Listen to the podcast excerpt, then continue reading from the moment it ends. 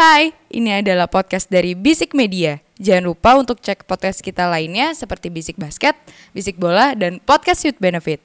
Oh iya, jangan lupa juga follow Instagram kita di @bisikmedia.id. Oke, selamat mendengarkan.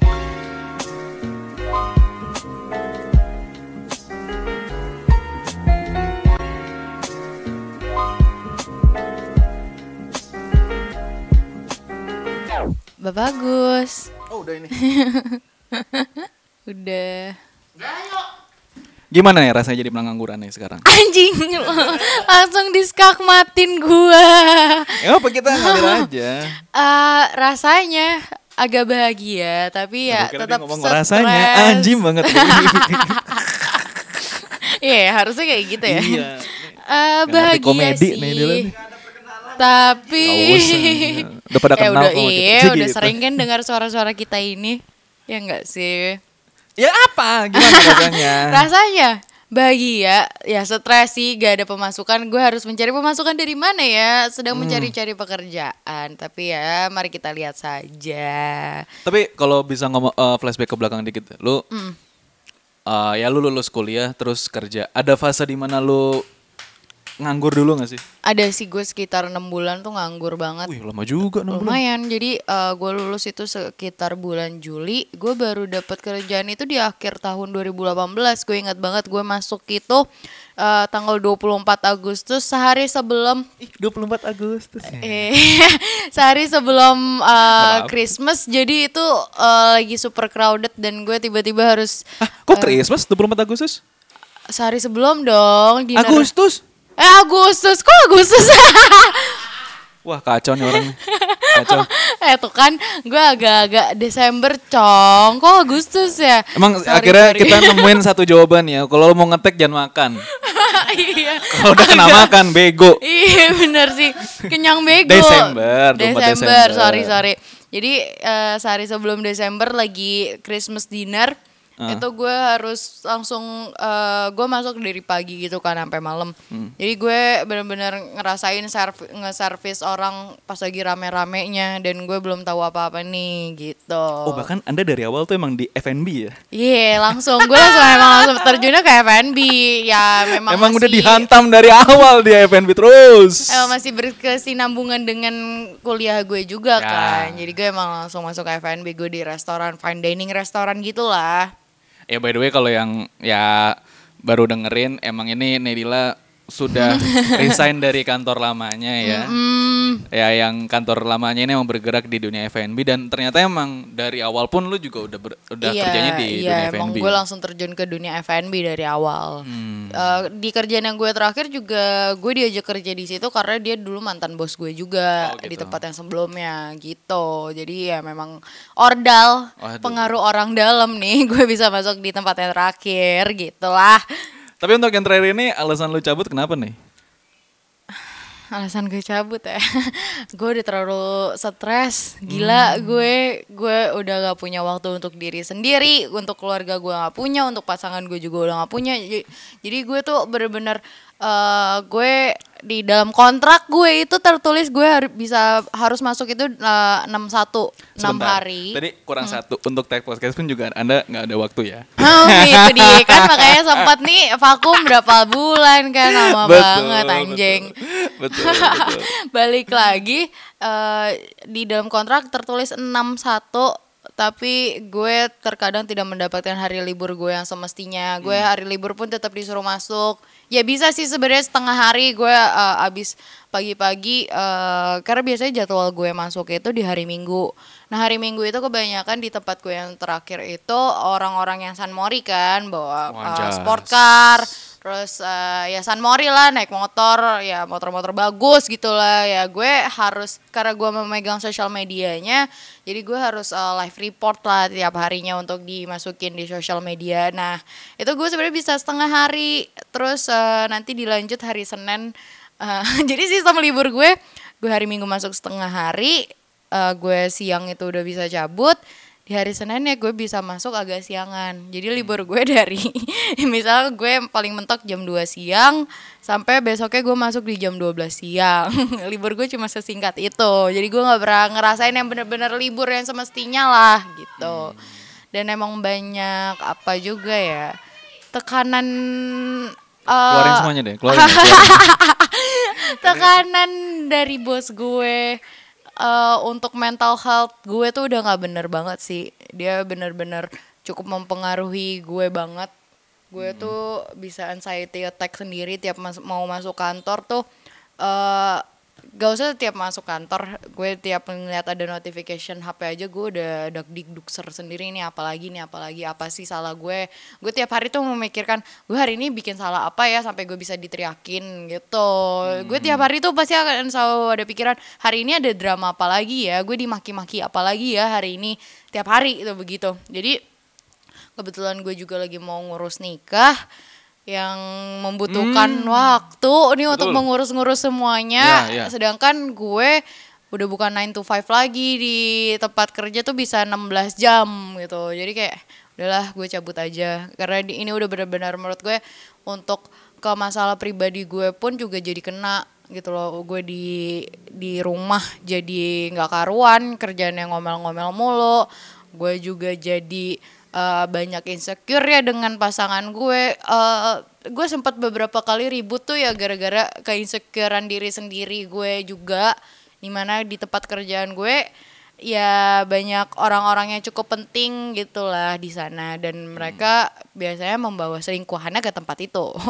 Jadi gue ada jadi kepikiran negatif-negatif thinking yang bikin gue interaksi dengan eh, calon gue ini agak jadi gue kebanyakan bikin negatif-negatifnya terus lah gitu. Jadi kayak udahlah buat apaan sih ini?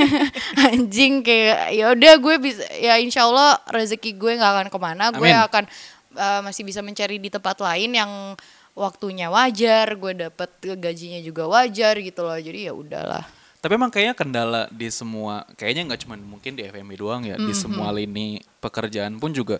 Nggak tahu kayaknya sekarang atau mungkin karena faktor pandemi atau kayak begi, atau kayak gimana, kayaknya padahal kan simpelnya kan apa yang lu kerjakan ya itu yang lu bayar gitu. Oh iya, kan. benar. Maksudnya ya dari awal kontrak pun juga udah udah jelas ya lu job desk-nya apa, ya lu digaji sekian, ya itu yang lu jalankan gitu Iya, benar. sebagai karyawan. Tapi kan kadang ada beberapa momen di mana ya lu ya yang harusnya bukan job desk lu tapi lu yang kerjain segala macem. Iya. Ya.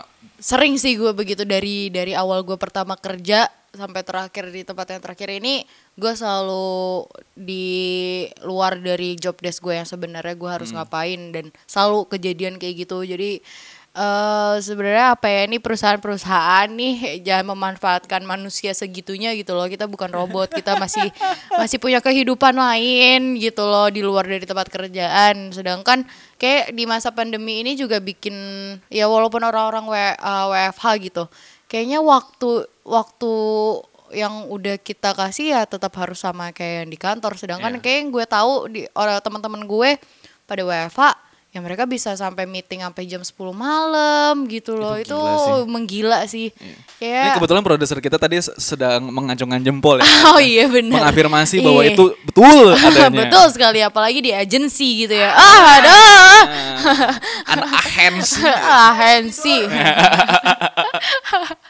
Tapi apa ya? Kalau apalagi kan kalau lu gue sih pernah ngeliat waktu itu di gue lupa di Instagram atau di Twitter gitu. Ada beberapa job desk yang di tahun 2030 beberapa itu kayaknya udah nggak bakal ada lagi gitu. Salah satunya kayak customer service. Emang sekarang tuh udah udah balik ke maksudnya bukan balik sih. Udah masuk ke dunia digital yang di mana kayaknya untuk hospitality khususnya mungkin nggak semuanya bakal dikerjain manusia sih. Ah, iya, udah bener. udah ya kayak se- sekarang simpelnya lu udah bisa live chat yang udah dibalas sama Iya, bot iya, kayak iya, gitu. iya, iya, iya. Jadi ya makin ke sini juga kayaknya lapangan pekerjaan juga makin menipis ya Iya. makin ke sini.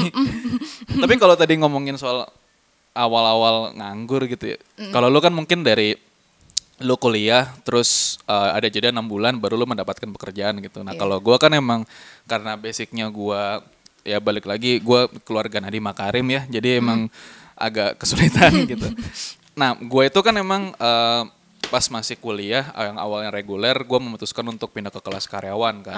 Jadinya eh, ya gue harus kuliah sambil kerja lah karena faktor eh, finansial eh, di rumah lah gitu. Nah terus salahnya gue adalah gue memutuskan untuk cuti dulu baru nyari kerja gitu harusnya ya gue mulai nyari-nyari dulu pekerjaannya baru setelah udah dapet cuti. baru ambil cuti Ah, ah, ah, nah, gue ngambil cuti dulu baru baru nyari pekerjaan gue lumayan tuh satu setengah tahun gue nganggur Oh ya? satu setengah tahun Lumayan lama ya. Ya, itu lumayan jadi fase yang agak berat sih buat gue. Ada apalagi juga gue belum pernah ngalamin yang namanya interview kerja, belum pernah ngalamin yang eh, masuk kan atau masuk kantor dan segala macam act to five tuh belum belum pernah ngerasain gue. Interview pun juga masih seadanya gitu. Gue dulu malah interview awal-awal tuh masih rambut gue gondrong, belum rapi dan segala macam. Jadi udah gua ngambil ngambil cuti dulu baru nyari kerja pas nyari kerjanya pun juga gue masih belum tahu cara interview dan segala macam jadi ya itu yang ngebuat gue sampai satu setengah tahun gue belum pernah dapat kerja sih Ah, Oke, dan tapi untuk lo mengisi selama waktu kekosongan di satu setengah tahun itu apa yang lo lakukan? Lakukan. ya kebetulan saya saat itu masih ada pasangan ya jadi lum- hari-hari saya lumayan jadi antar jemput. Malamnya nongkrong. Lumayan gabut lah. Main-main ke tempat temen. Tapi ya ada ada beberapa kesibukan yang yang akhirnya uh, menghasilkan uang lah. Kayak gue ngebantu-bantu temen gue kayak gitu-gitu sih. Tapi ya balik lagi kalau emang udah apalagi udah satu setengah tahun nganggur sih udah udah bingung banget sih itu gimana ngakalinnya pasti.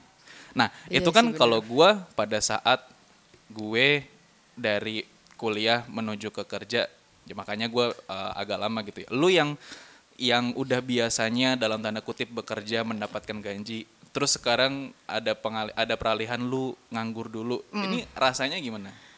Rasanya agak campur aduk sih sebenarnya. Gue ya lumayan gue lagi rehat lah ya setelah sebelumnya itu banyak gue nggak bisa menikmati waktu untuk diri gue sendiri. Untuk istirahat aja tuh gue eh, bener-bener kayaknya baru juga nyampe nih rumah. Udah harus buka mata lagi gue harus ke kantor lagi gitu. Rasanya gitu aja terus tiap hari.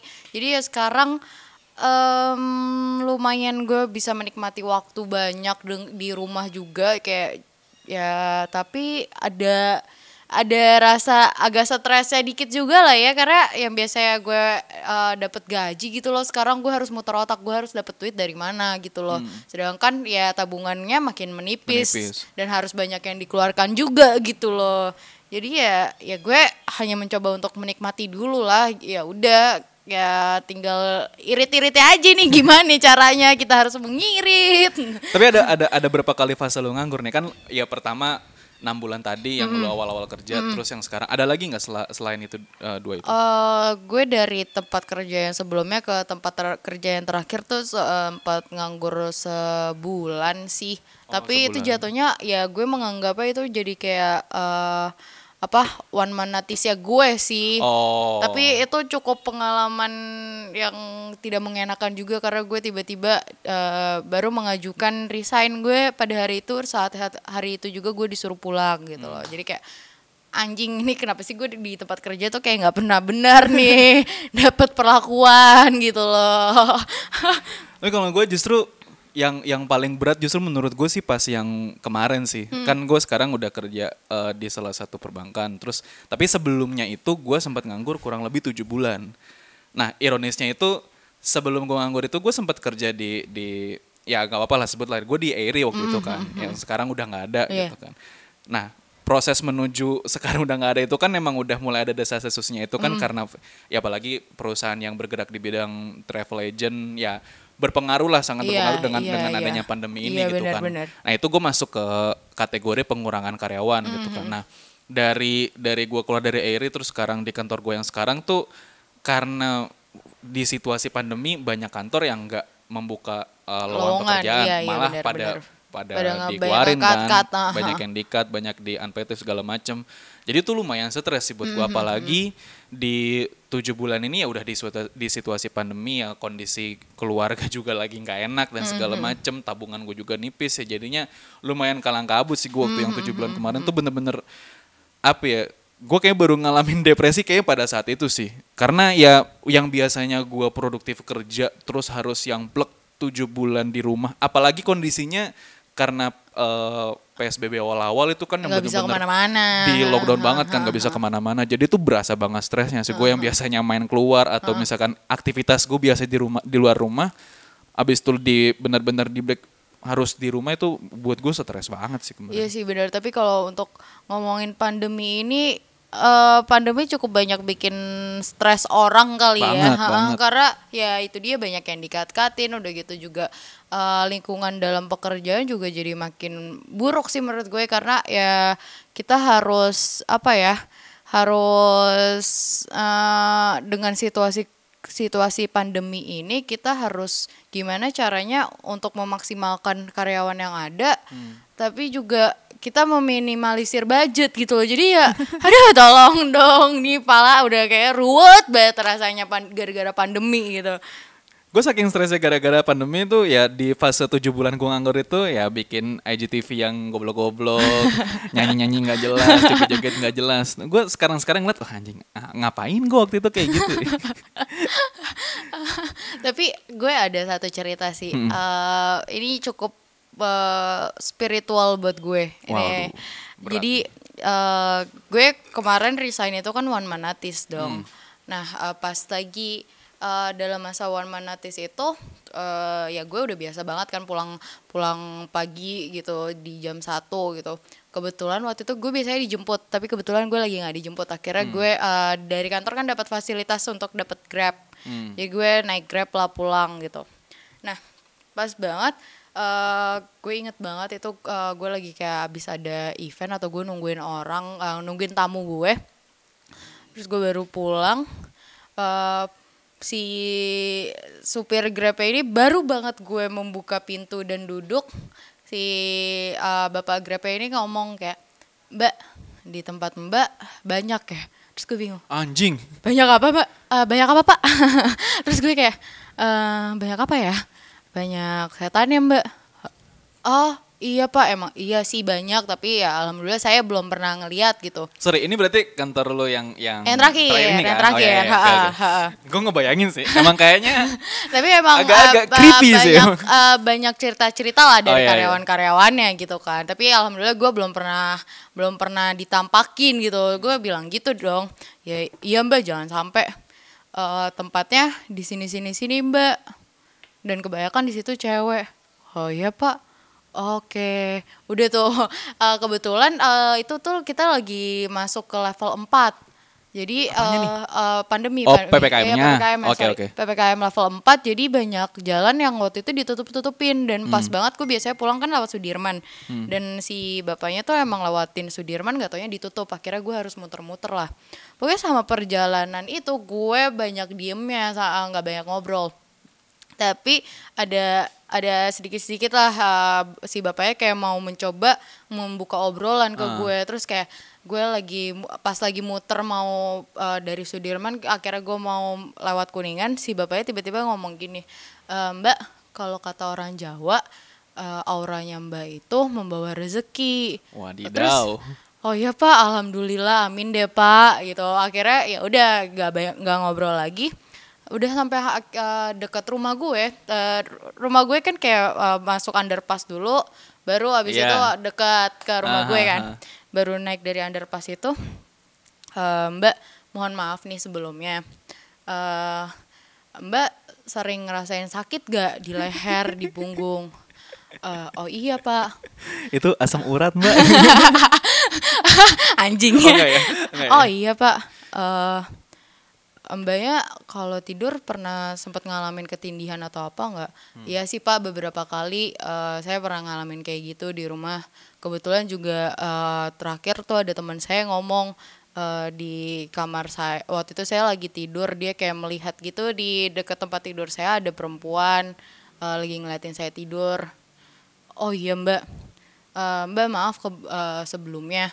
Eh, tapi eh, mbak rasanya sekarang kayak gimana? Eh, gue pada malam itu bener-bener, padahal gue nggak mabok, gue nggak minum, pokoknya sa- bersih bersih Sadar lah banget, ya. sadar. Nah, ha. Itu gue udah mata gue berat banget, terus kayak punggung gue emang lagi sakit dan emang gue eh, cukup familiar dengan rasa itu karena emang beberapa kali gue sering ketempelan lah judulnya gitu loh. Jadi gue udah mengetahui lah. Ah. Terus eh, Mbak maaf sebelumnya saya eh, mau bantu Mbak nih untuk ngebersihin. Mbak mau apa enggak. Karena kan emang case tahu gue uh, orang yang mau dibersihin itu juga harus uh, willing to do. Ah. jadi ya memang harus mau juga gitu. Uh, iya sih uh, iya pak ya udah nggak apa-apa uh, terus coba deh mbak uh, uh, coba baca al-fatihah terus suruh baca al-ikhlas. Terus uh, ya uh, gue disuruh baca-baca kayak gitu.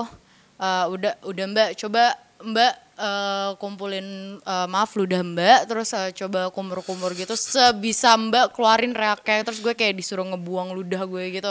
Terus kayak abis itu pandangan gue jadi bener-bener clear banget. Tadinya yang gue blur banget kayak orang mabuk gimana sih? Ah. yang nggak bisa ngelihat dengan jelas gitu. Akhirnya gue tuh kayak oh badan gue kok enteng nih? Kok jadi semua jelas sih gue kelihatannya?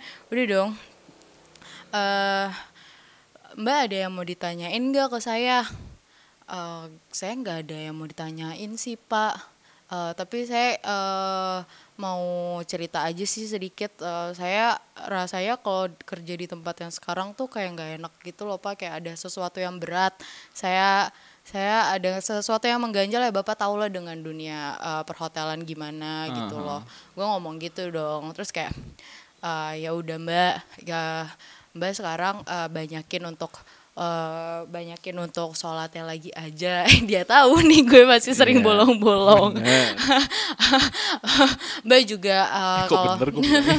kalau tiap eh, tiap eh, pulang atau tiap ma- eh, masuk ke rumah coba baca eh, baca salam terus juga ya baca al-fatihah kayak gitu-gitu aja Mbak.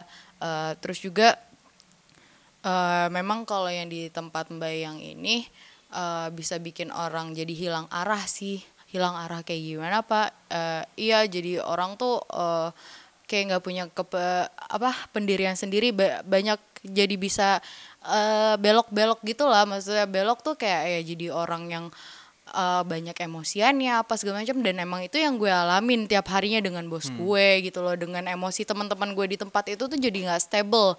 Kayak karena dari bosnya juga gitu loh terus udah akhirnya gue masuk ke rumah. Rumah. tapi kayak dari situ gue tuh kayak realize anjing gue gue diketemuin dengan orang yang kayak gitu ini tuh jadi kayak sebuah pertanda untuk gue semakin yakin untuk gue emang lebih baik untuk cabut dari ini tempat gitu loh jadi kayak bener-bener ya emang ini udah pilihan gue yang paling benar dari sini mau gimana jalannya ya mari kita lihat aja kayak gimana gitu loh tapi ya ini tempat emang udah nggak baik untuk diri gue pribadi gitu Iya. loh jadi ya ya udah akhirnya gue dari situ makin yakin walaupun kayak banyak banget yang ngebujuk udahlah nih lo ngapain sih cabut padahal eh, soalnya ada tersiar eh, kabar burung gitu kalau bos gue ini eh, mau di mau Ganti. Oh, di- di-cut. Oh, mau ya. diganti Ah. gitu loh.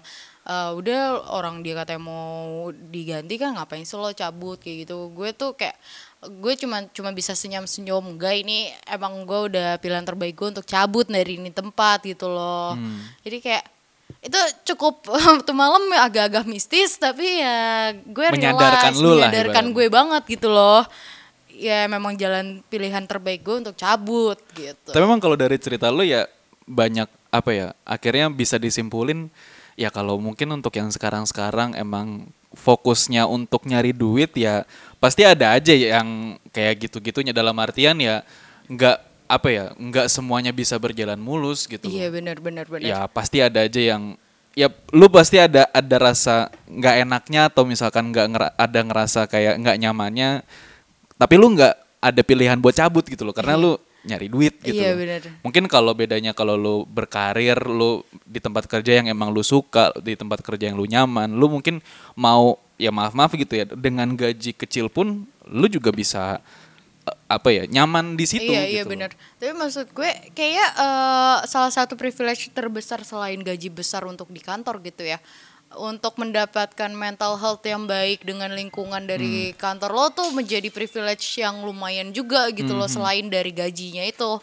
Maksudnya jadi ada eh mungkin jadi bisa ada pilihan antara lo pilih ya dengan gaji besar tapi tidak sesuai dengan passion lo atau Ya. lo eh, passion itu passion lo tapi ya tidak mendapatkan gaji yang sesuai. Ya. Dan lo memilih yang mana kalau jadi lo?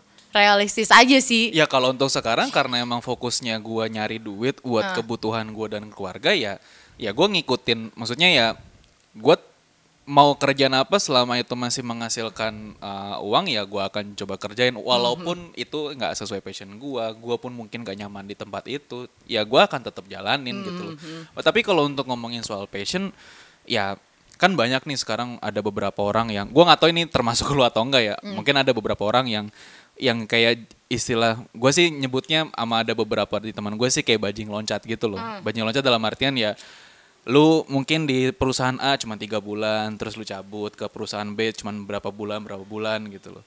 Ya dengan alasan lu nggak kerjanya nggak sesuai passion dan segala macam gitu. Ya nggak apa-apa cuman balik lagi satu itu dari segi di lu ditaruh di CV pun juga kayak nggak enak Iya, dipandang lah iya, lu iya. cuma tiga bulan enam bulan tiga bulan yang kedua juga ya kalau lu nyari passion juga mau yang kayak gimana yang sesuai sama Iya, bidang lu iya, gitu bener, loh. bener, bener. Ya, Ah. pilihannya hanya lo bekerja tidak sesuai dengan passion lo atau lo membuat lapangan pekerjaan yang sesuai dengan passion lo itu Benar, dia. benar. Dan tapi untuk membuat itu kan lo butuh modal. Ya modalnya lo dapatkan dari mana? Kalau kalau nggak mak bapak lo banyak duitnya ya lo harus kerja keras dulu nih untuk lo mendapatkan modalnya itu baru lo bisa membuat sesuatu kan gitu.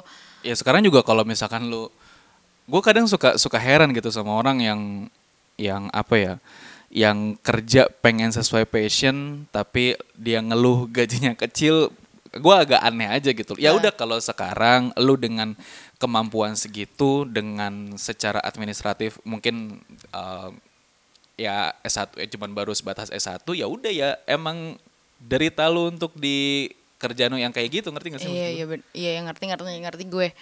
Tapi apa ya? Gue untuk sekarang untuk gue mencari pekerjaan di tempat lain, gue udah nggak eh, bukan nggak mikirin gaji sih. Maksudnya gue eh mau mau mencari pekerjaan yang gue masih membutuh eh, mendapatkan kesenangan gak cuma di kantor gitu loh gue juga bisa me- menyenangkan diri gue sendiri dengan kebutuhan eh, pribadi gue yang lain dan juga tapi eh, gue juga eh, masih punya waktu gitu loh untuk keluarga. Sedangkan maksudnya ya sekarang gue pikiran gue juga kan emang sudah mau menikah ya memang harus mencari pekerjaan yang gue masih bisa mengurus keluarga gue nantinya gitu loh. Jadi ya gue eh, downgrade untuk di masalah gaji sih gue nggak masalah asalkan gue masih punya waktunya itu loh. Karena ya sekarang waktu cukup berharga karena gue udah ngalamin hampir tiga tahun gue kerja tapi gue nggak punya waktu sama sekali. Untuk diri gue sendiri aja gue nggak punya gitu loh apalagi gue eh, waktu untuk keluarga gue. Sedang, gue tuh dulu gak pernah bisa gue tuh sampai dicari-cariin keluarga besar gue kayak Dek ke mana? Kok nggak pernah kelihatan? setiap acara keluarga Setiap gitu. acara keluarga, ih ada deh Dila, tumben memang gak kerja deh hari ini, lagi libur atau lagi apa, pasti selalu ada, ada aja yang kuucap kayak gitu. Dan kemarin kan juga kejadian gitu loh, kayak kemarin gue habis kumpul keluarga, lagi libur. Enggak tante, udah resign sekarang, mau cari kerjaan yang lain aja gitu. Tapi tuh honest ya, untuk kayak yang kemarin di tujuh bulan kemarin gua nganggur karena situasi pandemi, apalagi udah di dalam tanda kutip dipaksakan harus di rumah, itu lumayan jadi kesenangan terbaru buat gua sih. Akhirnya gue bisa di rumah, gue bisa kumpul sama keluarga gua. Akhirnya gue banyak ngobrol sama nyokap gua. Ya kayak udah lama, gue tuh ngerasa bahkan kadang nyokap gue tuh suka suka nyinirnya gitu. Ya di- rumah tuh udah kayak hotel aja buat gua Iya, gitu iya, ya, iya. cuman Ih, buat kos-kosan lah ya. Iya, cuman buat makan, tidur, mandi sama berak doang udah. Selebihnya hidup lu di luar gitu loh. Ya itu jadi ada ada kepuasan tersendiri sih gue di rumah sering ngobrol dan segala macem. Akhirnya tahu perkembangan adik-adik gue. Gue selama ini selama ini gue nggak pernah kenal sama adik gue. Baru-baru pas kelar sam apa pas nganggur itulah gue bisa ngobrol sama adik-adik gue deket sama adik-adik gue gitu. Tapi kalau tadi lu ngomongin privilege kayaknya ya oke lah selain gaji. Terus tadi lu sempat bahas eh, soal kenyamanan gitu lu punya atasan atasan yang baik pun juga menurut gue Wah, privilege sih itu sangat privilege yang Apalagi lo dengan- dapatkan gitu. dengan kondisi lu yang lu keluar ada karena ada faktor atasan lu yang seperti itulah Iya. gitu. Karena apa ya, itu menjadi salah satu faktor yang lumayan eh, membantu lo untuk di pekerjaan lo juga Iya. gitu loh. Lo tidak stres dengan atasan lo yang brengsek gitu loh. Itu uh, ya bikin lo jadi produktif gitu Iya. loh di kerjaan lo karena lo kalau tiap hari lo dapet tekanan mulu dimaki-maki mulu apakah lo mental lo nggak rusak bener. kerjaan lo nggak nggak ketunda tuh gitu loh ya ada lo ngeliat kerjaan juga udah males Iya. anjing ngapain sih nih gue begini gitu Gue baru sadar sih, lu lu cerita kayak gini, terus si Dimsu juga cerita uh, soal pekerjaannya. Secara psikologis, kalau lu dihadapkan dengan bos yang terlalu bahkan terlalu baik ya, terlalu baik sama lu yang dia uh, apa ya, benar-benar nge-treat lu sebagai bukan sebagai anak buah gitu, Iya. nge-treat lu sebagai partner kerja. Kadang kalau misalkan kita mau agak-agak dalam tanda kutip main-main dikit juga kadang suka nggak enak Iya, gitu. iya, Lu iya, bener-bener. malah terpacu untuk adalah gue kerjain aja nih nggak enak. Iya, Atasan iya, gue udah iya. baik banget Maksudnya, gitu. eh, tanpa lo diminta tolong pun lo Bener. akan mengerjakan Iya. gitu loh Lain jadinya. kalau lu dipus terus Iya, gitu, bener. malah jadi terpaksa dan jadi nggak maksimal hasil iya kerja bener yang gitu. ada lo eh, gue ngalamin banget mas. Saya eh, gue tuh jadi nggak teliti dengan kerjaan gue dan akhirnya gue jadinya dimaki-maki lagi ya karena dia tuh ngerongrong terus Bener. gitu loh. Jadi gue nggak teliti dengan kerjaan gue apa-apa maunya cepet apa-apa maunya harus langsung jadi gitu Iya. loh jadi ya ya udah banyak yang skip di kerjaan gue ya yang jadinya malah jadi bahannya dia lagi untuk ngemaki-maki gue gitu Bener, tiap harinya. Karena kan kalau misalkan ya kita bekerja nih, terus eh, gua rasa tuh tanpa dirongrong sama atasan, kecuali mungkin kalau hanya cuman nge-reminder doang ya, itu masih oke lah. Cuman Iya. kalau bener-bener dirongrong, ayo dong gini gini segala macem, ya tanpa lu rongrong pun juga kita akan kerjain karena ini emang untuk dapat gaji yang kita mau kan kita harus ngerjain Iya, ini iya, gitu loh. bener. Secara akal sehatnya kan kayak gitu. Iya.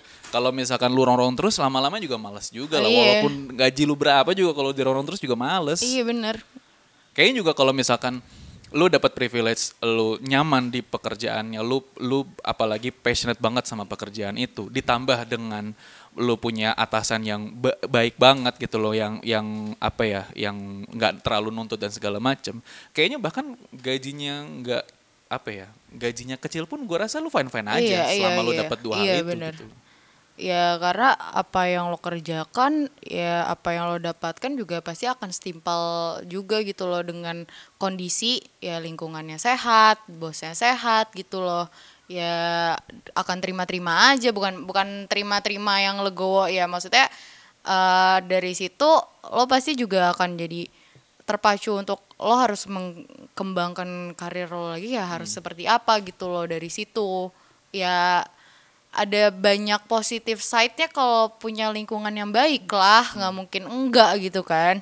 Ini terakhir nih. Lu eh, lu kan ya sekarang nganggur dan pengen bekerja lagi kan pastinya. Terus apalagi lu juga sekarang sudah dihadapkan lu mau menikah dan lu berkeluarga, lu nanti akan punya suami, eh, punya eh, kepala keluarga dalam tanda kutip. Eh, lu pengen maksudnya apa yang lu pengen nanti pada saat lu dapat pekerjaan yang lu pengen tuh kayak gimana? Di luar ya maksudnya kan kalau misalkan sudah berkeluarga ya udah lu tetap sebagai kepala keluarga kan ya tetap harus menafkahi gitu. Nah, Ah, kalau ah, yang ah. sekarang lu pengennya ker- pekerjaan yang kayak gimana sekarang? Apakah harus yang bergaji besar atau yang Enggak sih. Gue sekarang udah maksudnya jadi nggak mikirin ke gaji sih, yang penting gue punya waktu. Karena ya itu dia, gue akan berkeluarga gitu loh. Jadi Ya. waktu itu ha- sangat berharga bagi gue saat ini. Jadi ya gue harus bisa eh, ya antara pekerjaan dan kehidupan pribadi gue tuh harus seimbang. Yang gue cari ya gue punya waktu yang fleksibel Hmm. untuk dalam pekerjaan gue gitu. Ya apalagi lu juga nantinya akan menjadi seorang ibu ya ngurus anak itu pasti. dia ribet lu banget kan butuh ngurus anak. capek banget ya kan tuh ngurus anak gitu loh. Ya udah kayaknya sekian aja. Iya udah dengerin bener. curhat-curhatannya Eh, Nedilan. iya aduh ma- maaf ya sekarang gue akhirnya jadi pengangguran jadi gue punya banyak waktu nih. Oh, iya, jadi iya. akan sering-sering mendengar suara gue lagi kayaknya. Yaudah, doain aja lancar-lancar kita Amin, semua ya. oke terima kasih Dadah. bye